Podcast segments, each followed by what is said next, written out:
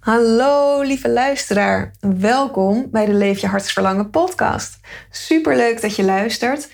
Ik ga je in de komende minuten laten zien dat in alle vrijheid online zichtbaar durven zijn je heel veel oplevert. Bij mijn klanten kan zichtbaarheid soms nog best wel een dingetje zijn. Hè? Want wie zit er nu op mij te wachten? Heb ik wel iets te delen? Hoe ga ik dat dan delen?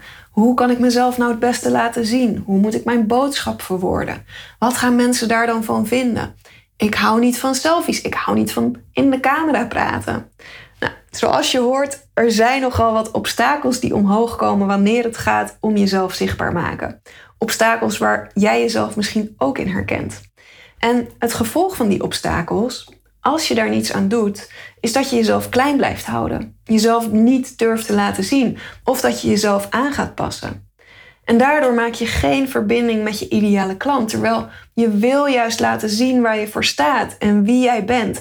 En jouw ideale klant door jouw zichtbaarheid in het hart raken. Nou, in deze aflevering neem ik je mee in hoe je ervoor zorgt dat je in alle vrijheid zichtbaar durft te zijn. Let's go! Welkom bij de Leef je hartsverlangen podcast. Mijn naam is Nanda van Aalst van Mijn Storyteller. Het is mijn grootste passie mensen te motiveren en inspireren om hun hart te volgen. In deze podcast neem ik je mee op weg naar verbinding maken met jouw hart. Ontdekken wat jouw diepste hartsverlangen is en wat er nodig is om te gaan leven en werken vanuit wie jij in de kern bent. Zodat je het leven kiest waar jij gelukkig van wordt. Luister naar veel praktische tips en inspirerende verhalen. Let's go!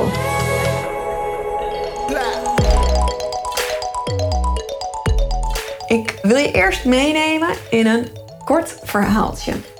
Ik woon in Den Haag in een buurt waar mensen met best wel wat geld wonen. Behoor ik overigens nog niet toe. ik ben hier per toeval terechtgekomen. Maar het straatbeeld in mijn buurt is voornamelijk oude mensen. Dat, dat, echt dat, dat oude Haagse geld wat er zit. Er staan ook flink wat Tesla's voor de deur. En in mijn straat, op een centraal punt bij alle winkels, daar staat een stenen bankje. En op dat stenen bankje, daar zit iedere dag, van ochtends vroeg tot avonds laat in weer en wind, een oud vrouwtje. Ik heb inmiddels vernomen dat ze 96 jaar is. En haar gezicht is rimpelig en bruin van het vuil. En ze heeft nog maar twee tanden in haar mond. En ze heeft lang grijs haar dat een beetje zo vettig aan haar hoofd geplakt zit. En met een sjaaltje om haar hoofd probeert ze dat nog te verbergen. En ze draagt een versleten grijze trenchcoat en ze zit ook vaak op een vaal slaapkussen om haar botten te beschermen. Je ruikt daar ook een klein beetje wanneer je langs haar loopt. Maar ze zit daar iedere dag. En met de meest vriendelijke kraaloogjes kijkt ze iedereen die langskomt recht in de ogen aan. Zij durft zichzelf zichtbaar te maken. Vanuit een ongelooflijk kwetsbare positie. In een buurt waar niemand is zoals zij en waar de kans heel groot is dat mensen iets van haar vinden. Zij heeft eigenlijk alle redenen om bang te zijn voor zichtbaarheid. En zij heeft alle redenen om niet gezien te willen worden of om zichzelf in deze buurt anders voor te doen dan hoe haar situatie is. Maar wat gebeurt er door de kwetsbare en eerlijke manier waarop dit vrouwtje zichzelf in alle vrijheid zichtbaar maakt? Dagelijks zit er wel iemand bij haar op het bankje.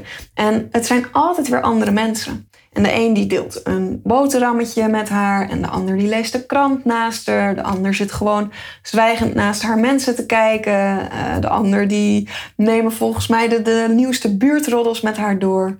Maar door de manier waarop zij zichzelf zichtbaar maakt, geeft ze mensen de mogelijkheid om met haar te verbinden.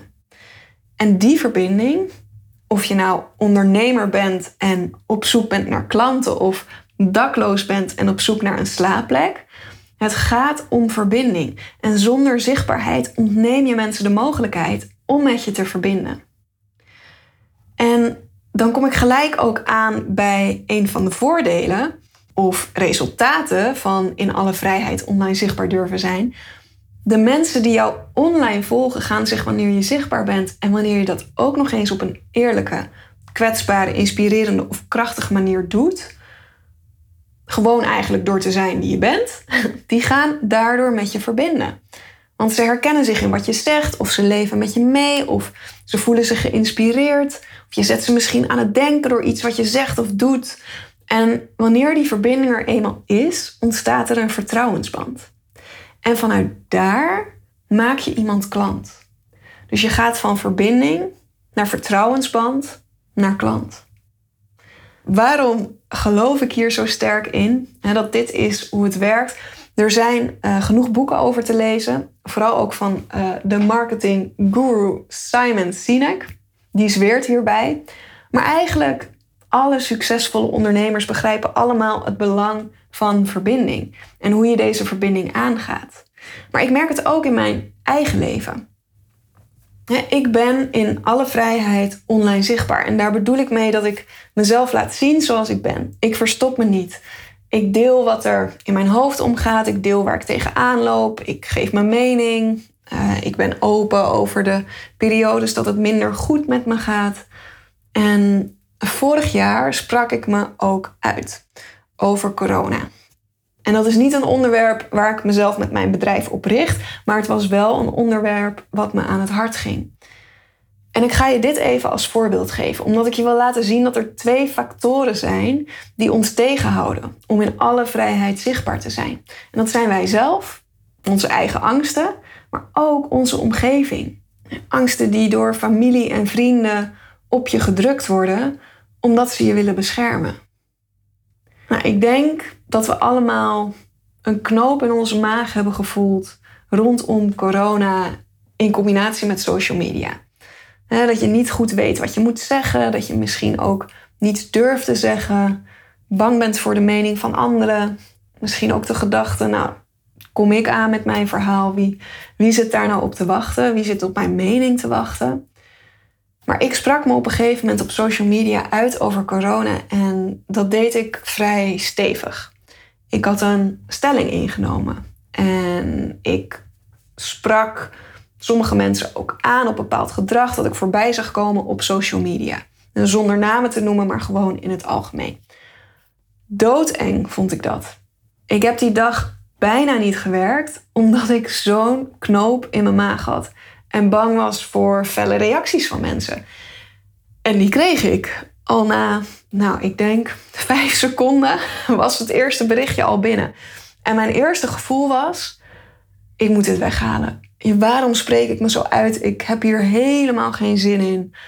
Pure angst. Maar toen dacht ik: ja, maar dit is wel wat ik vind en voel. Waarom deel ik dit en, en wat is mijn doel hiermee? Ja, ik deel het omdat ik hoop dat ik een enkeling aan het denken kan krijgen. En dat er een paar mensen zijn die ik hiermee inspireer. Dus ik heb het laten staan. En wat gebeurde er? Ja, er kwamen felle reacties. Mensen die zich aangevallen voelden, mensen die het niet eens waren met mijn standpunt. Maar aan de andere kant ontving ik berichten van mensen die het wel met me eens waren. En nog belangrijker dan dat, want het gaat eigenlijk helemaal niet over eens of oneens, maar mensen die aangaven dat ik iets teweeg had gebracht bij ze. Dat ik ze aan het denken had gezet, dat ik ze iets had geleerd. En dat was niet gebeurd als ik stil en onzichtbaar was gebleven. Dat was niet gebeurd als ik me in deze situatie door mijn eigen angst tegen had laten houden. Een dag later deelde ik hoe ik het had ervaren om zo'n stevige mening via social media te uiten. Want dat was eigenlijk ook voor het eerst dat ik dat deed. En nou, ik ben er echt een, een dag zoet mee geweest. Want je krijgt natuurlijk allerlei reacties van mensen. Dus ik ben er echt gewoon een dag zoet mee geweest. Ik ben niet aan werken toegekomen. En ik gaf toen ook aan een dag later dat ik heel graag aardig gevonden wil worden. En dat het me in eerste instantie heel onzeker maakte om op zo'n manier uit te spreken. En toen ontving ik een berichtje van mijn vader. Nou, ik weet niet hoe het uh, met jou zit, maar ik hecht nog steeds waarde aan de mening van mijn ouders. Best wel veel waarde ook. En mijn vader die zei tegen mij: Nanda, ik heb getwijfeld of ik dit zal zeggen, maar ik ga het toch doen. Ik maak me grote zorgen over je bedrijf. Ik zou geen politiek statement maken, maar gewoon neutraal blijven. Denk gewoon vanuit een bedrijfscultuur. Want je stoot nu misschien potentiële klanten af. En daarnaast zei hij ook, en zeggen dat je onzeker bent en graag aardig gevonden wilt worden, daar maak je ook geen goede indruk mee. Want ook dit wordt gelezen door potentiële klanten die daardoor misschien afhaken. En in eerste instantie schrok ik en voelde ik opnieuw die angst opkomen van shit, ik heb dit verkeerd aangepakt. Maar toen nam ik even een paar stapjes terug. En mijn vader, hartstikke lieve man, die bedoelt het allemaal heel goed, probeert mij in bescherming te nemen, maar is nooit in zijn leven ondernemer geweest. Weet eigenlijk helemaal niet zoveel van social media af, van marketing af, laat staan van ondernemen. En toen dacht ik nog eens na over die zin: mensen haken misschien af. En toen viel er voor mij echt een spaarpot aan kwartjes.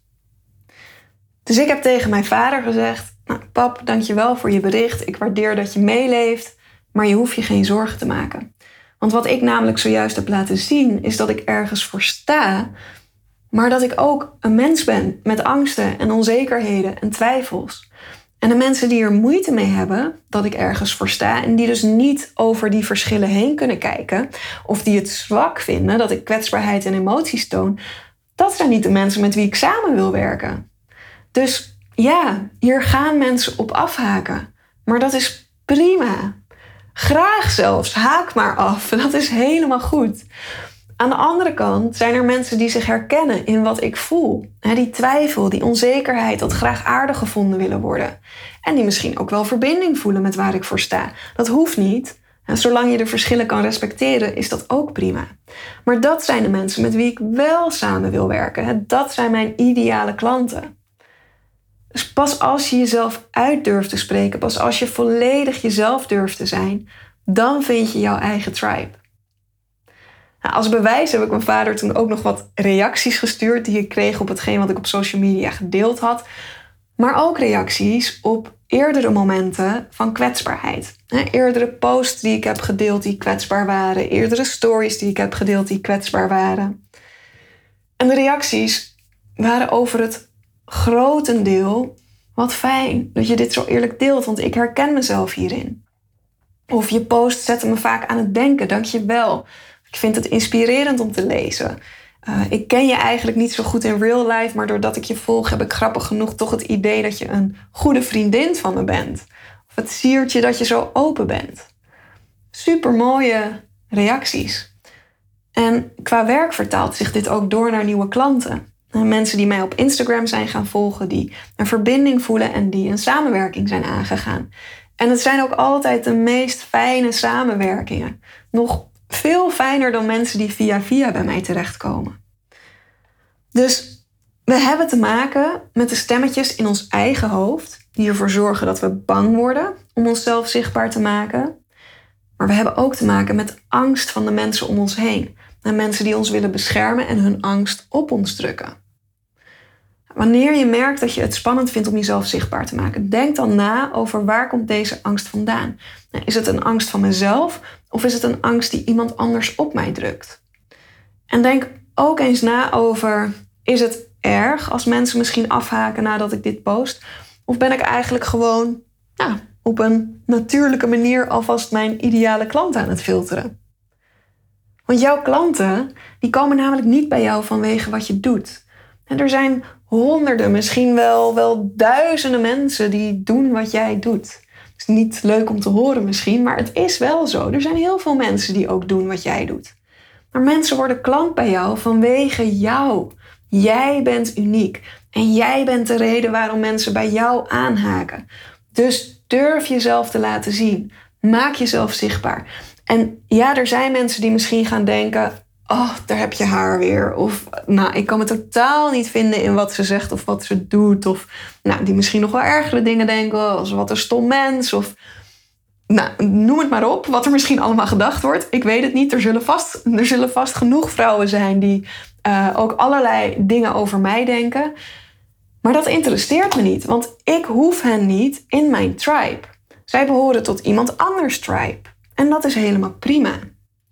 Mijn klanten die, die krijgen in het Soul Business traject krijgen ze ook een werkboek mee om online zichtbaar te worden.